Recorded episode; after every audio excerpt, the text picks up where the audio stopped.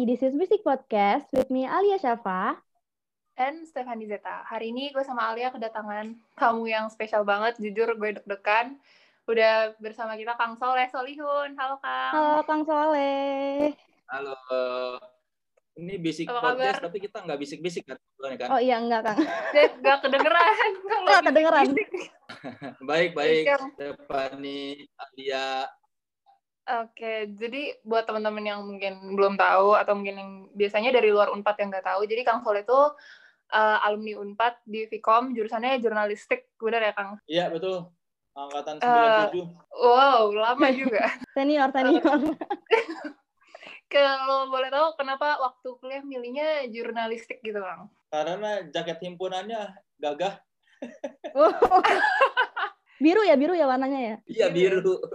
Nah kan dulu saya UMPTN-nya ilmu komunikasi. Terus Hmm. ternyata dari ilmu komunikasi dipecah lagi suruh milih jurnalistik, manajemen komunikasi atau himpunan masyarakat. Nah, kan manajemen komunikasi itu kayaknya terlalu teori ya. Saya kayaknya malas ngapalin teori-teori, malas ngapalin teori. Terus satu lagi hubungan masyarakat kayaknya harus rapi-rapi nanti kalau jadi humas bukan karakter saya gitu kan. Sisanya ya jurnalistik. Ya selain karena nggak apa sih selain karena ini pilihan terakhir terus kan saya suka Iwan Fals. Iwan Fals juga kan pernah kuliah jurnalistik. Terus ya saya pengen jadi penulis gara-gara Iwan Fals. Makanya ah, ya udahlah masuk jurnalistik aja biar saya bisa belajar nulis.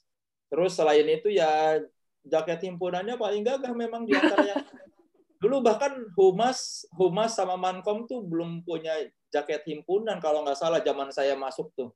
Jadi dari dulu di Vkom Unpad itu mahasiswa yang jurusannya paling sering terlihat jaket himpunannya itu yang pertama ya jurnalistik, yang kedua perpustakaan dengan jaket hijaunya. Anak jurnalistik Hmm. tuh dari dulu selalu pakai jaket himpunannya, nah kan keren itu sakunya banyak, lumayan buat saya yang malas bawa ya malas bawa tas ke ka- kampus jadi oke nih jaket himpunannya.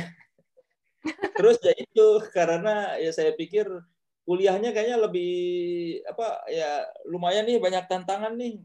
Dan ya biar ini juga kayaknya apa seru kalau jadi wartawan. Sesederhana itu udah gitu kan Superman sama Spiderman kan wartawan Aduh, Kayak- Iya juga pengen jadi. Spiderman. ya memang sungguh alasan yang sangat edukatif sekali ya saya memilih Tapi emang itu Kang, emang pengen wartawan udah dari awal, udah kepikiran banget pengen jadi wartawan. Wartawan. Oh, enggak. Emang Enggak, saya aja awalnya. saya tuh nggak pernah punya cita-cita yang jelas dari kecil juga nggak tahu mau ngapain mau jadi apa ya Oh ya, makanya bikin film mau jadi apa. iya Iya. Saya, baru tahu mau jadi saya baru tahu saya mau jadi wartawan tuh setelah jurnalistik eh ternyata kuliahnya menyenangkan. Terus ternyata eh saya bisa nulis loh. Ternyata saya ya udahlah saya jadi wartawan aja lah. Kayaknya itu yang saya bisa deh. Karena jadi PNS malas pakai seragam jadi BUMN juga malas pakai baju rapi-rapi. Terus kan saya senang baca majalah musik ya udahlah jadi wartawan musik aja kayaknya apa menyenangkan gitu. Ya bukan sesuatu yang dicita-citakan lebih karena keadaan. Ya udahlah nggak tahu mau ngapain lagi. Plus setelah bikin saya kan di kampus Vkom dulu bikin ini bikin tabloid namanya Karung Goni kabar ya. kabar gosip dan opini. Gara-gara gara-gara bikin tabloid itu kok seru apa mengelola media nulis itu menyenangkan. Akhirnya ya udahlah pas lulus kayaknya jadi wartawan aja. Eh kebetulan 2004 wisuda itu Agustus kalau nggak salah. Saya pas Agustus seminggu sebelum wisuda ditawarin kerja di majalah Trax yang merupakan majalah musik. Ya udahlah kerja aja lah jadi wartawan musik. Sesuai passion Hmm. lah ya, emang udah senangnya baca majalah musik juga ya Kang. Iya, saya nemuin passion jadi wartawan musik tuh gara-gara kuliah di jurnalistik. Eh ternyata ini menyenangkan. Sebelumnya mah nggak tahu mau ngapain, nggak tahu Hmm. mau kerja apa. Eh, tapi Kang tadi tuh ngomong-ngomong mau jadi apa, itu tuh sebenarnya filmnya emang beneran kejadian kisah Kang Soleh kuliah kayak gitu atau dikarang atau gimana Kang? 60% terjadi, 40% fiksi biar seru Oh. aja. Biar ada bumbu-bumbunya ya.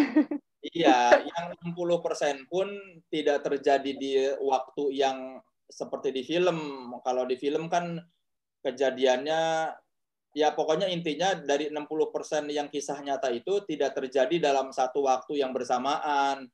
Ada kayak cerita teman-teman saya atau kejadian saya apa PDKT ditolak segala macam yaitu benar-benar terjadi tapi rentang waktunya nggak seperti yang di film. Ya di film kan dipadatkan ceritanya, tapi Hmm. 60% kisah nyata, 40% fiksi. Tapi aku penasaran Kang, itu yang bagian kayak eh, di sidang itu tuh itu bener gak sih Kang? Itu fiksi lah. Biar Agak seru aja, tegang juga ya. biar seru aja itu, itu itu nggak nggak terjadi. Tapi ya wajar. Bahkan angkatan 95 pun nanya, eh bener emang lu begitu? Iya kan soalnya serem juga tuh kalau beneran kayak gitu kan. Serius banget. Iya, nggak itu nggak. Kalau yang sidangnya nggak nggak nggak terjadi. Kalau yang selebihnya ya ben- benar-benar terjadi, tapi ya itu seperti yang saya bilang dipadatkan kejadiannya supaya masuk ke apa durasi film. Hmm. Eh, tapi sejak jadi mahasiswa jurnalistik sendiri atau pokoknya sejak pertama kali ngewawancara orang, pertama kali Kang Soleh ngewawancara entah untuk kebutuhan apa pun, entah buat kuliah, entah buat kerja, ngewawancara siapa Kang? Saya pertama kali wawancara itu kayaknya waktu belum kul, belum mengambil jurusan jurnalistik, saya bikin karung goni.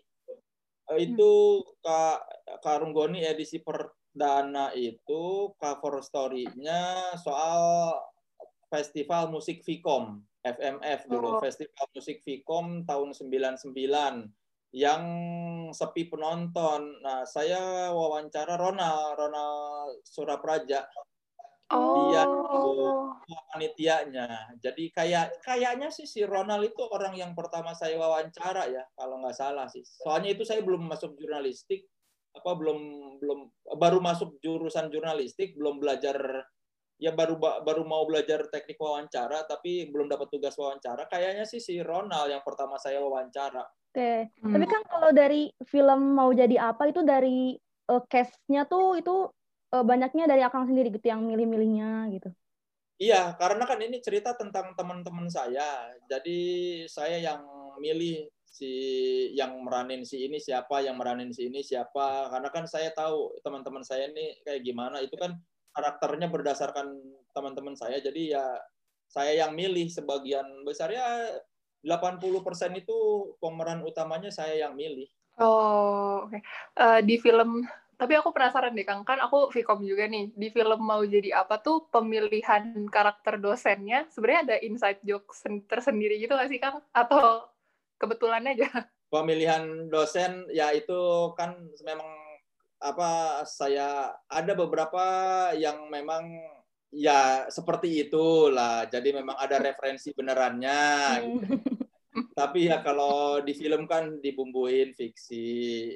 Ya ada yang yang saya bilang tadi kejadiannya ada yang seperti itu tapi tidak terjadi di konteks yang ada di film. Jadi saya cuma ngambil oh ada pernah terjadi kejadian seperti ini dialami sama saya ya udah dimasukin ke adegan ini kayak gitu-gitu ada ya inspirasinya memang ada tapi nggak mau plek-plekan tentang si ini tentang si itu nggak enak lah Hmm. Kalau selama ini Kang Soleh menginterview orang yang paling berkesan yang sama siapa sih Kang? kalau ber, paling berkesan itu yang pertama tuh kayaknya Otong Koil karena tidak mengira orangnya seperti itu. Yang kedua Vincent Rompis. Dua-duanya setipe tuh.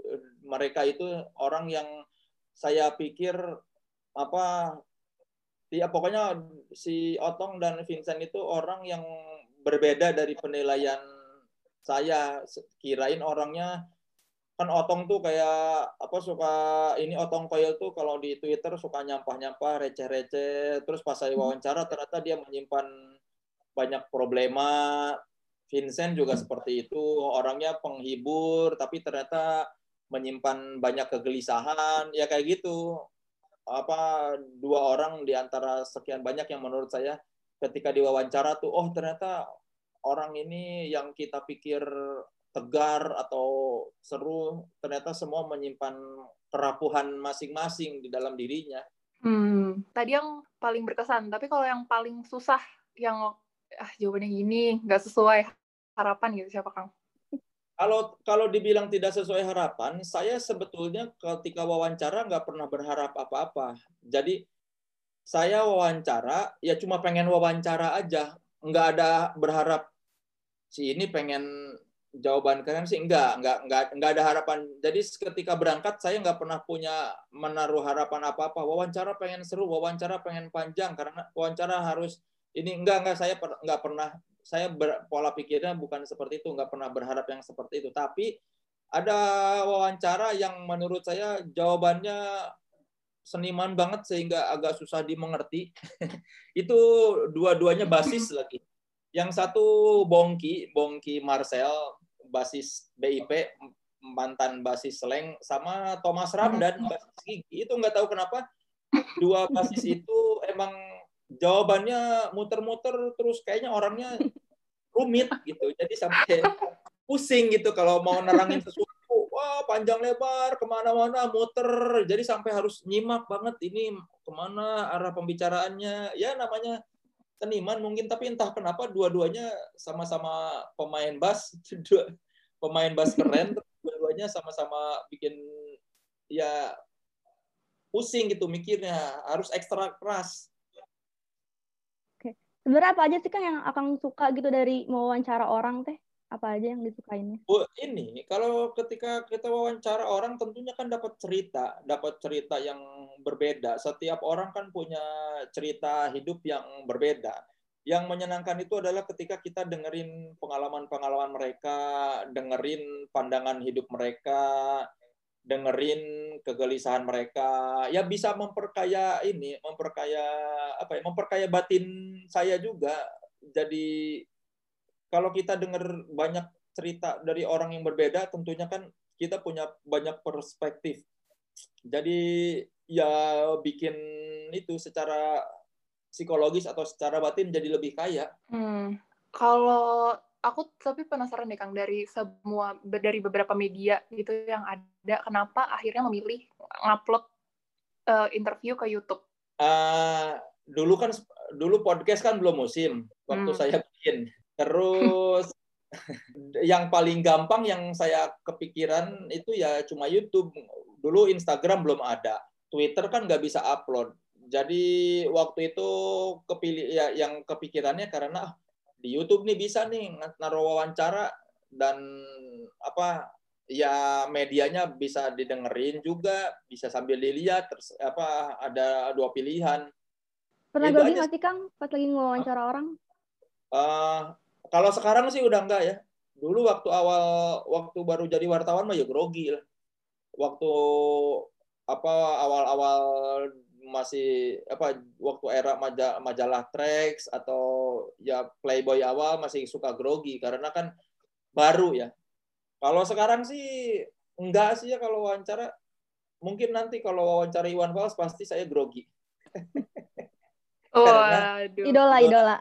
Uh, tapi Kang Sol ini kan sebenarnya walaupun ya, dari jurnalistik tapi kebanyakan orang tuh ngehnya itu pas jadi stand up komedian bener ya Kang? Uh, boleh ceritain dikit nggak kamu waktu awal-awal jadi stand up comedian tuh ceritanya gimana sih yang dari dari wawancara-wawancara eh dari jurnalistik bisa pindah ke stand up comedian? Kan itu saya jadi jadi stand up comedian itu gara-gara di Rolling Stone ya. Waktu saya kerja di hmm. Rolling Stone itu suka ngemsiin acara musik, acara musik di Rolling Stone itu sebulan sekali. Saya MC-nya setiap acara musik itu selalu ada empat band biasanya Nah, jeda dari satu band ke band lainnya itu minimal 15 menit. Saya sebagai MC harus mengisi kekosongan panggung supaya penonton nggak pergi dari panggung dan supaya ada kegiatan di panggung sambil nunggu kru ngeset alat. Jadi saya suka ngoceh-ngoceh 15 menit. Nah, dari situ si sin musik ya sin indie Jakarta waktu itu terutama yang apa yang suka nonton Rolling Stone release party ya tahu oh si Soleh ini lucu kalau nge-MC sampai akhirnya satu hari produser radio global minta saya stand up gara-gara dia sering nonton juga saya MC pas dia minta saya stand up ya udah saya ikutin. Karena dibayar kan lumayan lima ratus ribu. Oh lumayan banget. Iyalah dulu bisa hmm. buat beli dua CD impor. Terus waktu saya nyoba stand up itu dua tahun 2010 ada teman saya bawa handycam. Terus saya bilang eh namanya Faisal Rizal Faisal Rizal Sal rekamin gue dong. Gue pengen punya video di YouTube jadi gue pengen kalau ngetik nama Soleh Solihun ada tuh di YouTube ada video gue ya udah direkam lah sama dia tuh. Saya lagi stand up. Saya stand up 40 menit kalau nggak salah pertama kali tuh. Dipecah sama dia jadi tiga video 10 10 menitan lebih lah. Itu 2010. 2011 si komunitas stand up comedy itu muncul gara-gara anak-anak yang apa season pertama stand up comedy Indonesia yang Kompas TV bikin acara terus tiba-tiba menimbulkan komunitas stand up di mana-mana. Saya diajakin lah suka ikut-ikut event-event stand up anak-anak komunitas stand up. Nah, setelah itu setelah komunitas muncul si program stand up comedy Metro TV mau dibikin. Nah, si produsernya tahu, oh si Soleh ada nih pernah bikin video stand up dan sering stand up di acara komunitasnya stand up comedy Indonesia. Lucu. Ya udah diajakin lah sama Metro TV. Ya udah dari situ aja. Setelah dari ya kan. Tapi kalau ngomong-ngomong soal kerjaan Kang Soleh kan jadi wartawan di media musik gitu ya Kang. Nah, ya. sebenarnya uh, Kang Soleh itu kalau melihat dari awal-awal nih ngelihat media musik tuh kayaknya bakal bersinar gitu tahun 2000-an gitu. Udah ngeliat dari awal gak sih? Uh, justru saya mah apa skripsi saya meramalkan majalah musik nggak ada yang tahan lama. oh, tapi memilih untuk di situ ya. ya karena kan skripsi saya kan soal perjalanan majalah musik di Indonesia itu apa teori yang saya bilang di skripsi saya itu ya majalah musik mah nggak akan ada yang tahan lama. Jadi sebelum majalah-majalah bertumbangan saya sudah meramalkan bahwa nggak akan tahan lama nih majalah. Soalnya dari dulu selalu seperti itu dari zaman tahun 60-an selalu nggak ada yang tahan lama, paling lama 10 tahun rata-rata majalah musik tuh, majalah musik lokal ya. Rolling Stone agak lumayan tuh, dia 12 tahun tapi akhirnya terbukti bahwa tidak ada majalah musik yang tahan lama. Ya saya kan dulu milih kerja di majalah musik karena yang kerja di surat kabar atau harian males. Saya nggak mau jadi wartawan harian, saya maunya jadi wartawan musik. Hmm, tapi Kang dari semua pekerjaan yang pernah Kang Soleh coba, mulai dari film, YouTube, uh, wartawan, yang sebenarnya penghasilannya paling gede gitu. Itu dari stand up atau apa dari mana kang? Kalau dari sisi penghasilan ya stand up. Kerja 15 oh.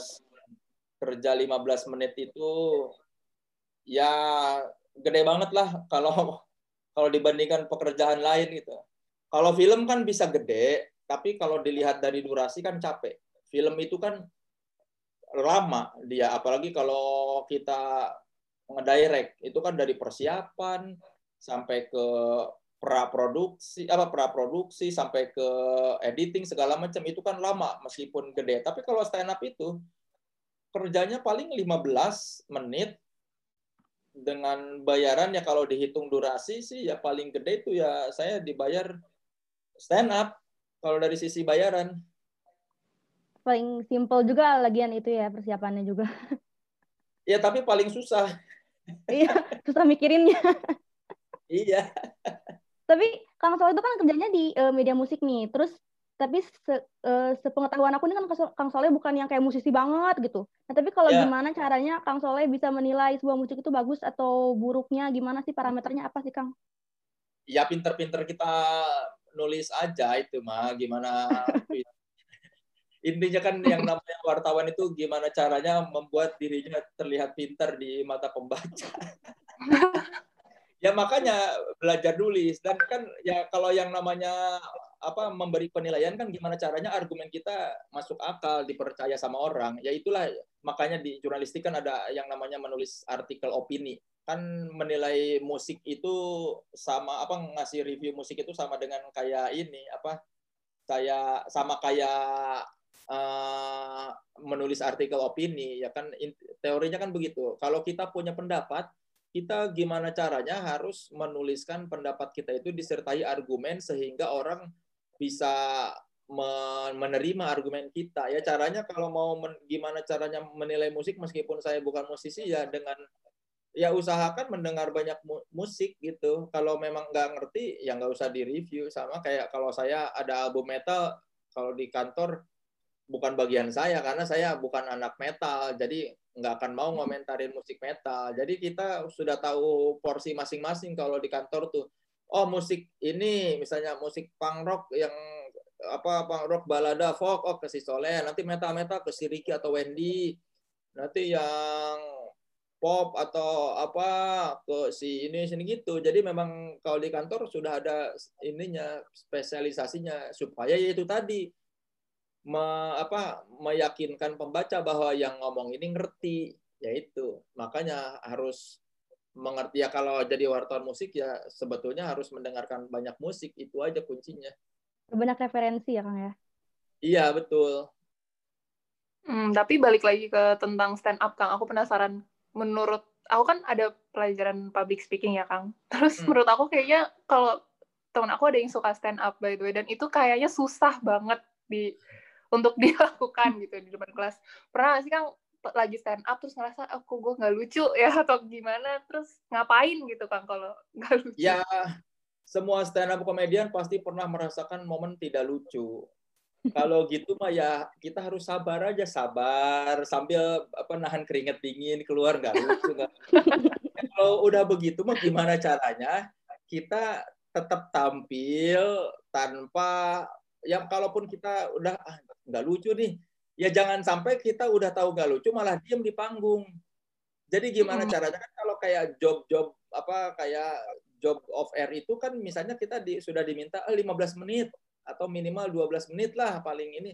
Ya gimana caranya kita memenuhi durasi aja kalaupun kalaupun nggak lucu ya udahlah kita coba lagi coba lagi terus aja berusaha sampai siapa tahu ada lucu sedikit ya sabar-sabar aja nanti paling kalau nggak lucu pas pulang ya tinggal diem-diem aja.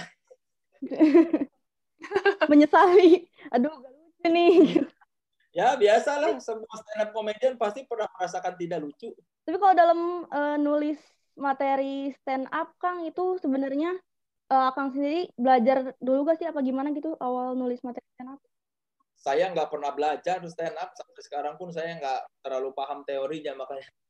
Oh. saya cuma ngerti saya kan biasanya berdasarkan insting karena saya dari sudah dari kuliah kan apa jadi MC, jadi komentator bola, apa di panggung juga apa di band juga malah jadi MC. Jadi intinya yang saya lakukan ini sebetulnya kayak udah terasah dari kampus. Jadi saya nggak pernah belajar. Saya mah cuma gini aja.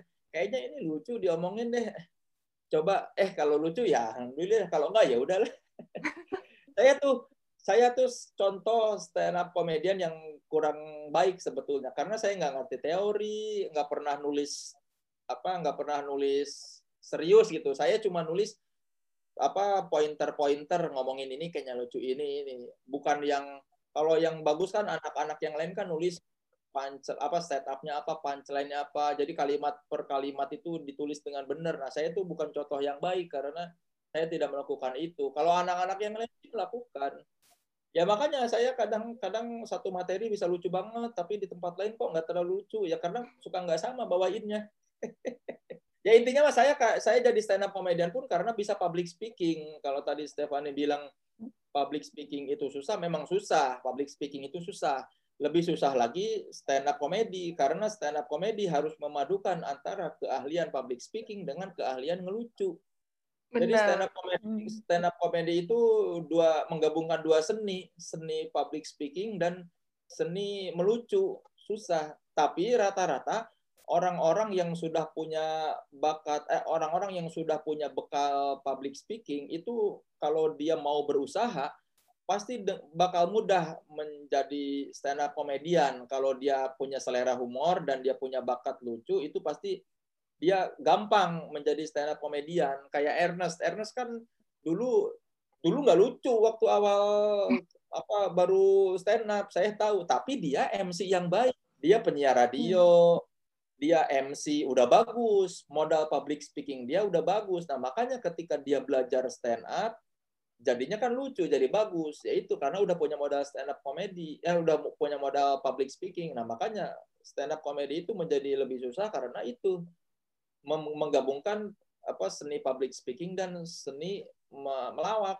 Tapi ya hmm, semua hmm, lawakan iya, semua lawakan punya kesulitan hmm. tersendiri. Melawak sendiri susah melawak dalam grup juga susah. Yang nggak susah hmm. itu duduk ketawa juga. Ya kata Oke, Kang. Tapi dari semua karir yang udah pernah Kang Soleh jalanin, boleh stand up, nulis film, apa pun, entah interview orang, pernah nggak sih Kang nyesel ambil kerjaan, duh harus ngapain gue ambil gitu? Uh, enggak, saya nggak pernah menyesali apa pekerjaan yang sudah saya ambil. Jadi kalau saya ngambil pekerjaan memang sudah dipikirkan bahwa oke okay, ini nanti kerjanya bakal begini, resikonya apa kesulitannya bakal begini dan ya nggak inilah nggak nggak pernah Iya kalau dari sisi pekerjaan sih nggak pernah saya ada yang sesalin. Paling kalaupun ada yang disebut pekerjaan, saya pernah buzzing bir itu doang sih. Saya nyesel kenapa saya ngebazing bir. pernah ada dapat apa Gimana? di Instagram biasa ada buzzing bir. Saya ambil karena hmm. dia nggak nggak hard sell bir, cuma hard apa jual apa bazing kemasannya setelah saya pikir-pikir ya ngapain? Saya kan nggak minum gitu nggak usah bazing. Plus kalau saya menganggap itu apa minum itu haram ya harusnya nggak saya ambil. Oh hmm. kalau pekerjaan lain kan nggak pernah berhubungan dengan ya itulah keyakinan gitu. Ya itu aja paling kalaupun ada yang saya sesalin ya itu aja. Dulu kenapa ngambil kerjaan apa bazing produk bir itu doang sih paling. Oke, kalau ngomongin soal kerjaan ya Kang, misalkan nih kalau Kang Soleh mau interview orang, ada gak sih kriteria orang yang uh, buat diinterview sama Kang Soleh sendiri? Kalau buat di Soleh Solihun interview itu orangnya harus saya sukai ya, dan minimal saya punya apa ada sesuatu atau karya dia yang menurut saya bagus. Jadi saya harus suka dulu karya dia. Kalau hmm terkenal itu nomor dua. Yang pertama itu harus saya sukain. Makanya kan di channel saya ada yang terkenal banget, ada yang orang nggak terlalu terkenal, tapi minimal dia punya karya itu dan karyanya harus saya sukain. Terus saya sudah kenal sebelumnya dengan dia, jadi biar lebih enak wawancaranya. Kalau saya kalau di channel ya pada Soleh Solihun interview itu rata-rata saya sudah kenal orangnya, makanya orangnya kan mau cerita apa aja sama saya. Kalau di kerjaan saya yang lain kayak misalnya di podcast naik kelas itu kan banyak yang juga saya belum pernah ketemu tapi saya wawancara karena itu kan kerjaan. Kalau yang di YouTube saya pribadi itu ya karena itu idealisme ya jadi saya harus suka dulu sama orangnya, sama karyanya minimal. Saya harus menganggap dia punya karya yang bagus. Jadi kalaupun dia terkenal ada orang terkenal minta diwawancara tapi saya nggak suka karyanya ya nggak akan wawancara. Hmm. Tapi aku lihat di YouTube-nya Kang Soleh tuh nggak ada yang YouTube-nya Kang Soleh sendiri itu nggak ada AdSense-nya. Itu kenapa Kang? Apakah idealisme atau gimana? Dulu sempat waktu 11 ribuan subscribers ada AdSense, baru dua bulan dapat duit dari YouTube. Itu waktu itu dapat 2 juta kalau nggak salah sebulan bulan ketiga hmm. akun saya disuspend sama YouTube karena alasan yang tidak dia pokoknya intinya dia ngasih tahu, "Eh, hey, lu punya salah nih. Ayo minta maaf ke kita. Klik formulir ini kalau lu merasa nggak bersalah buat permintaan maaf. Tapi kita nggak bisa ngasih tahu salah lu di mana. Pokoknya minta maaf aja kalau nggak rasa nggak salah. Nah, terus kan saya nggak ngerti salah, salah saya apa. Ada ada per, ada di antara sekian banyak pertanyaan ada tulisan copy paste link yang kira-kira kamu salah. Lah ngerti juga enggak salahnya. Jadi ya udah di suspend akunnya sama YouTube. Ya udahlah biarin aja.